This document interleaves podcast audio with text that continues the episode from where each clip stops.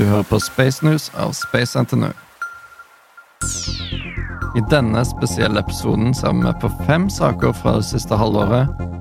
Jeg er Oskar Arne, og med meg i studio har jeg Simen og Sara. Hei, hei. Hei, hei.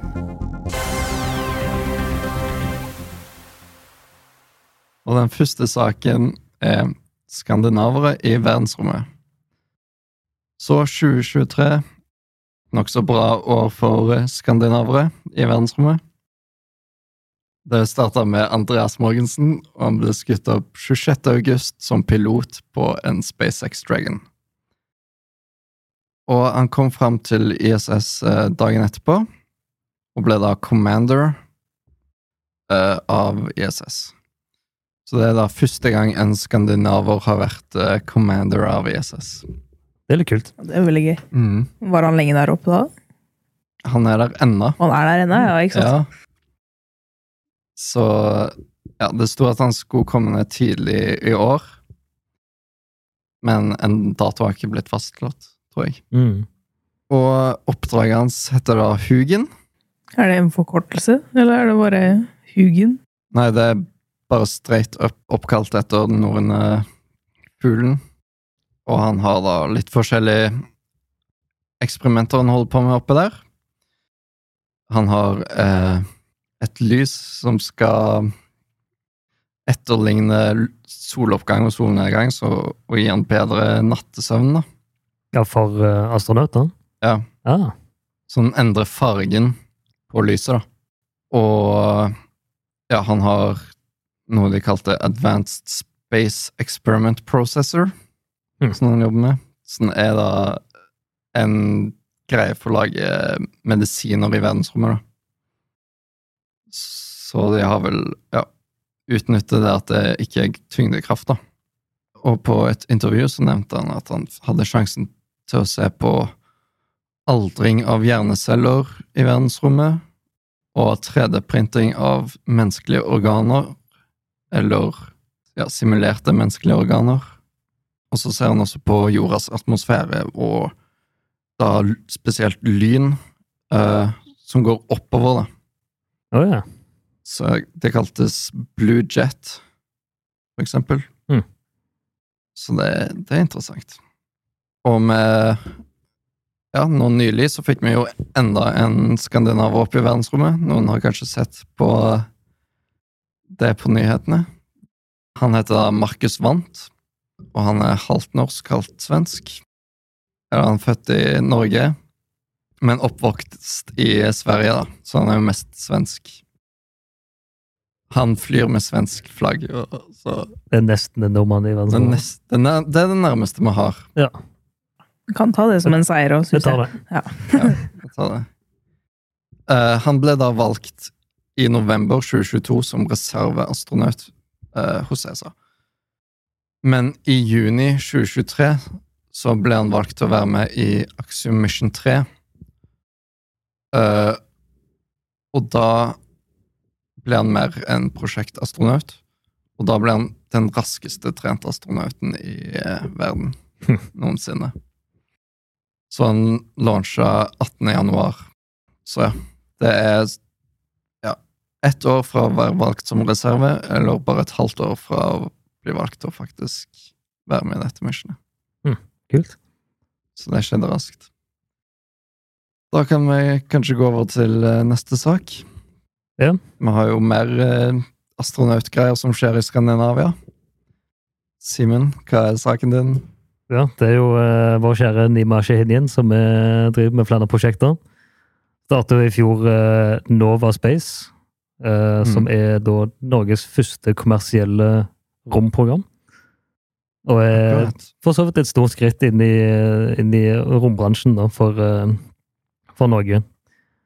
Eh, og de driver da stort sett med space science, space design and technology og space education. Det er veldig mye Ja. interessant romrelatert som skjer der. Og noen av prosjektene de har på gang da, er et solobservatorie som de har eh, kjøpt, som de skal da være sånn base for mye av prosjektene videre. Eh, De holder på å designe egen romdrakt. Ja.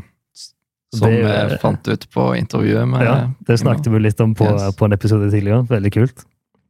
Og så, noe annet vi snakket om tidligere, var de, at de prøver å få opp den første personen, personen med funksjonsvariasjon i verdensrommet. Mm.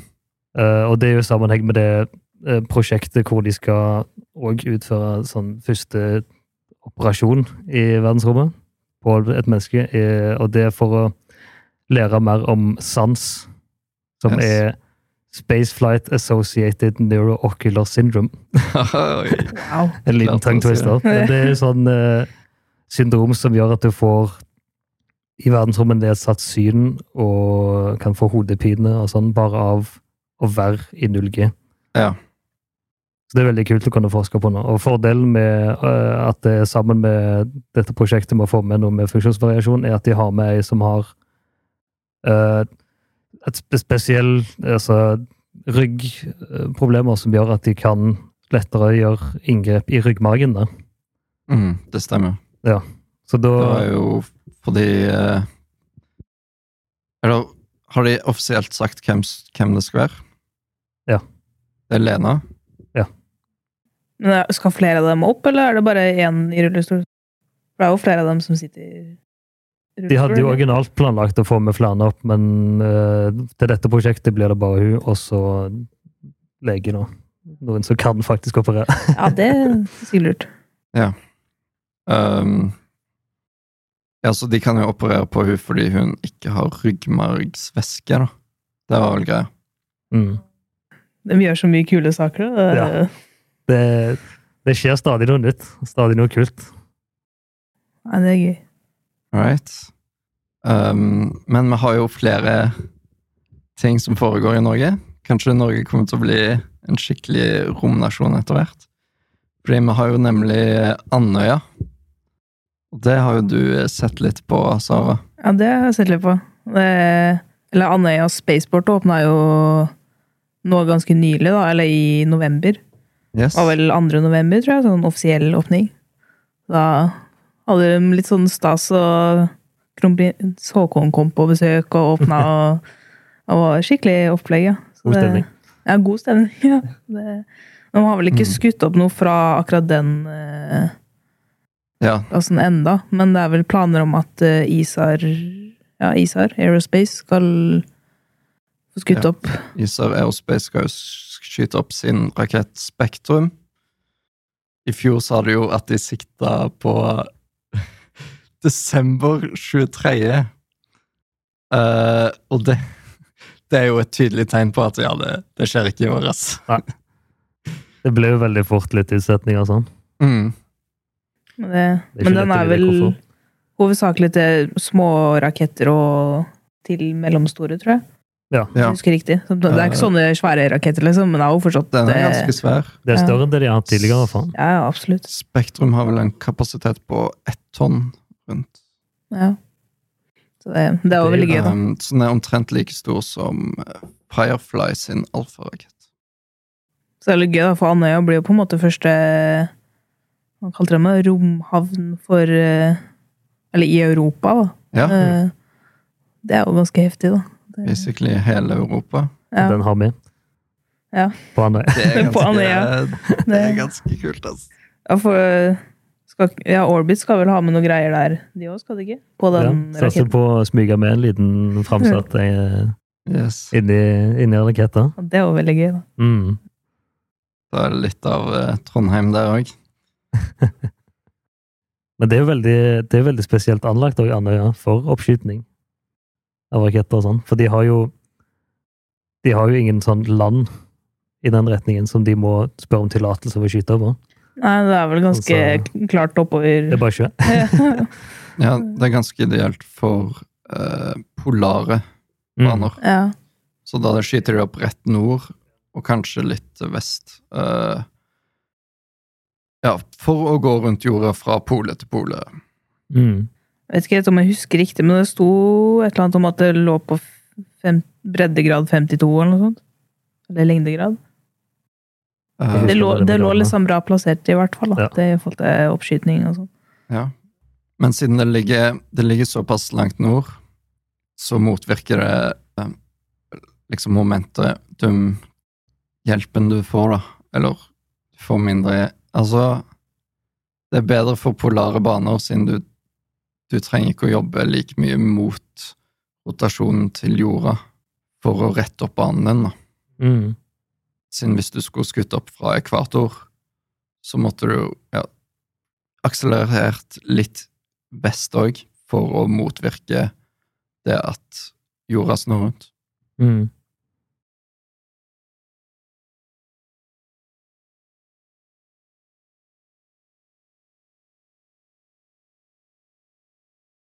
Men ja, Norge er jo ikke den eneste underdogen som eh, Som finner på ting i verdensrommet, da. Uh, India har, har jo hatt mye suksess i det siste. Ja, de klarte jo å lande på månen. De klarte å lande på månen. Ikke bare det. Uh, men de lander jo òg nær Sørpolen, som er litt spesielt, siden nær polene på månen så er det mye krater. Mm. Veldig mye krater. Altså mye mer enn en ellers på månen, og det er jo ikke det letteste å lande på, for de er jo ikke flate. Men de har òg den egenskapen av at de lager skygger som varer hele døgnet. Mm. Som betyr at det kan ligge vann der i form av is. Så fant den noe is, da? Der? Nei. Eller Nei. de har ikke funnet noe ennå, i hvert fall. Men de, de hadde noen problemer med roveren på, og kontakt i, i, i starten, så det, De har ikke funnet noe vann ennå. Har de noe mål på hvor store noen av disse kraterne var? da? Ja, De er jo ikke, de er ikke sånn spesielt store. Det er bare det at de er i nærheten av Sørpolen, som gjør at Det blir bare skygge hele tida, liksom. Ved en vinkel som gjør at de skygger hele tida. Ja. Okay. Men uh, de prøvde seg jo litt tidligere òg med eh, eh, Chandrayaan 2-prosjektet. Dette var jo Chandrayaan 3. Men 2-en eh, den krasjte, uheldigvis. Men Ja. de fant ut at de kan jo likevel bruke orbiter-delen av den til å kommunisere med landeren og roveren til Chandrayaan 3. Så de slipper å ta med en ekstra orbiter-del der Okay. Sånn klarer de liksom bruke begge prosjektene samtidig. Og så hadde jo Du sa jo de hadde noen kommunikasjonsproblemer. Ja. Fikk de fiksa det med det? Eller Nei, det var jo ikke noe de skulle fikse, men det var liksom Det var den totale løsningen deres på denne, dette Ja. prosjektet nå. Så de hadde ikke med noe? Men så er det noe som har gjort at de ikke får eh, kontakt allikevel. Om Mm. det Ja, det er vanskelig å si hva det er for noe. Men òg rett før de klarte å lande nå på i nærheten av Sørpolen, så prøvde jo russerne seg. Og de òg krasjet jo. Ja, Så det viser Det jo at det er, ikke, det er ikke så lett. det er ikke så lett å lande på månen. Vi fant jo ut ja, nå nylig at uh, Jaxa hadde en, en månelander som land, klarte å lande på huet. Ja. Den softlanda på huet. Uh, det var jo, de prøvde jo også å lande der det er bratt og sånt. da. Mm. De skulle jo lande spesifikt på en bratt uh, en bratt vinkel på 15 grader, tror jeg det var. Mm. Og, men det var et eller annet med at de skulle da prøve å vinkle eh, landingsfartøyet, da. De 15 gradene rett før han landa, for å matche bakken, men Ja. da flippa han bare helt rundt. Altså, det var planen å lande der, liksom? Ja, Ja, jeg, jeg, vet, jeg, vet ikke Nei, helt, hvor- jeg vet ikke helt hvorfor de ikke landa der det var flatt, men Ikke det, jo. det, det var vel Utfordringer og banebryting. Ja, Ja. det var utfordringen, liksom. Ja, Men ja, hovedmålet De med, med oppdraget deres var jo egentlig bare å få til en soft landing i dette området. mm, De ville vise at eh, de kunne utøve oppdrag med en rover. Altså måling av atmosfære og jord og seismisk aktivitet. Ja. Eh, og så da samla inn disse vitenskapelige målingene. Så de, mm, de har jo fått til soft landing-delen. De har jo noe måleutstyr på landeren òg, men de må jo få funnet ut av dette kommunikasjonsproblemet før de kan se det er en 100% suksess. Ja. Men totalt sett veldig stort med landing på månen. hvordan ligger det an med den nå? De har ennå ikke fått kontakt. De har ennå ikke fått kontakt. Men når var det de landa? De landa i eh, august, slutten av august. Men ja, det var vel Var det ikke sånn at den bare skulle vare mens det fortsatt var lyst på månen, liksom. Den skulle bare vare en måned. Den skulle vare lenger enn det, mener jeg. Den skulle vare flere liksom, sykluser. De skal jo kjøre litt rundt med roveren og finne ting. Når han først fungerer. Utforske litt. Dra på jakt etter vann. Ja, finne noe. Det er jo eh, Altså, poenget med å finne vann der er, på månen er jo at det kan bli en sånn refueling station, på en måte en bensinstasjon for eh, oppdrag som skal lenger. Mm. Og hvis de finner vann, så kan de jo lage drivstoff av dette. Hydrogen og oksygen. Mm. Yes. Lande der, fylle på, kjøre videre. Så det er veldig stort hvis de finner noe. Mm. Ja, For det er mye lettere å ta av fra månen. Ja. Du trenger jo mye mindre Ja, håper vi finner noe bra snart. En bra Mm. løsning. Men du kan ikke lage metan på månen. Så Starship kan ikke, kan ikke refuels på månen. Nei. Men ja, Starship har jo uh, er fortsatt det som er valgt til å være månelandingsfartøyet med Artemis. Og de har gjort litt progress uh, i løpet av halvåret, da. Så de har jo hatt en uh, launch som du satte deg litt inn i, Sara. Jeg titta litt på det. De hadde jo Prøvde jo først en gang i april, var det ikke? Mm. Det, den gikk ikke så bra. Eller den kom jo litt oppover, men uh, På 7. 7. april. Ja. Så den uh, kom vel sånn uh, var det 40 km, tror jeg, opp i lufta, og så eksploderte den. Mm. Den ikke klarte å uh, koble fra Ja, den klarte ikke å koble fra, og den hadde Den var way off target, og mange av motorene funka ikke, og Det er jo heldig at alle Ja. var på samme side og alt sånt. Så. launchpaden var ødelagt etterpå. Det var liksom flere ting, ja. ja. Det var på en måte de, de boosterne som de liksom skal slippe. De slapp ikke. Mm. Ja. Ja. Men denne gangen så gikk det mye bedre. da. Ja, de prøvde jo igjen i november, tror jeg det var. Ja, Mhm. november. Så det, den, det gikk det jo mye bedre. Den kom jo bra opp i lufta da. Og 160 km. Ja, de kom veldig mye lenger i hvert fall, da. Så, men det gikk jo ikke helt sånn knirkefritt da heller. Ja, Alle fønstre, det virker i hvert fall. Ja, det gjorde de jo. Mm. Så det er jo bra. De fikk separert boosteren fra resten av Starship. Mm. Den, så den hot stagen funka egentlig.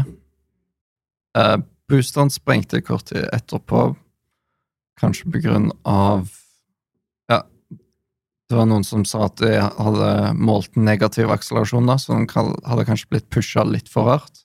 Men jeg tror det kunne blitt fiksa med at de lot mer av motorene stå på før de separerte, så de hadde litt mer dytt, dytt i motkraft. Mm. Ja, og klart, det er jo en læreprosess, da. Den blir jo Mm. Bedre og bedre. Så de skal jo prøve igjen nå i februar, tror jeg. Så vi se åssen det går, da. Om det blir noe bedre da. Det gjør jo, blir jo bedre. Tweaka litt på det og fiksa Ja. Det litt må på ting. jo Ja. gå bedre, da. Det, Mm. det ser jo lovende ut, det, da. Når det ble, det ble en ganske stor forbedring fra første til andre gang, liksom. Ja.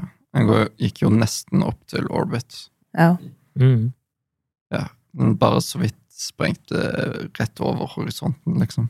ja. Eh, de, sa, de sa det var på grunn av at de slapp ut uh, oksygen eller noe sånt. Fordi de ikke hadde, det var ikke noe payload på raketten, så han hadde mye ekstra fuel, liksom. Og så Mm. slapp de ut oksygen, og så førte det til en ild og sprengte. Stort prosjekt, da. Gøy. Ja. De skyter jo over ganske mye òg, da. Og skutt opp eh, 96 eller noe sånt raketter i løpet av året. sånn fabrikkstemning på det. Ja. Ja, men det er jo lykke, da. Mm. Jeg synes det er veldig kult at de kan lande deler av raketten igjen. Jeg bare er så vant med å se sånn hvor de bare splæsjer ned i vannet, og så Ja. har du dem som bare kjører fint ned på bakken igjen. Det er ikke sånn fire and forget lenger. Nå, Nei. nå må de lande igjen. Det er jo smart, det, da. Ja. Iallfall hvis det funker, da er det smart. Ja, det er det, da. Ja. Hvis den blir helt gjenbrukbar og rapid reusable, som de sier. Um, men det var det vi hadde for denne gangen. Du hørte på Space News med Oskar Arne, Sara Green og Simen Sigvaldsen.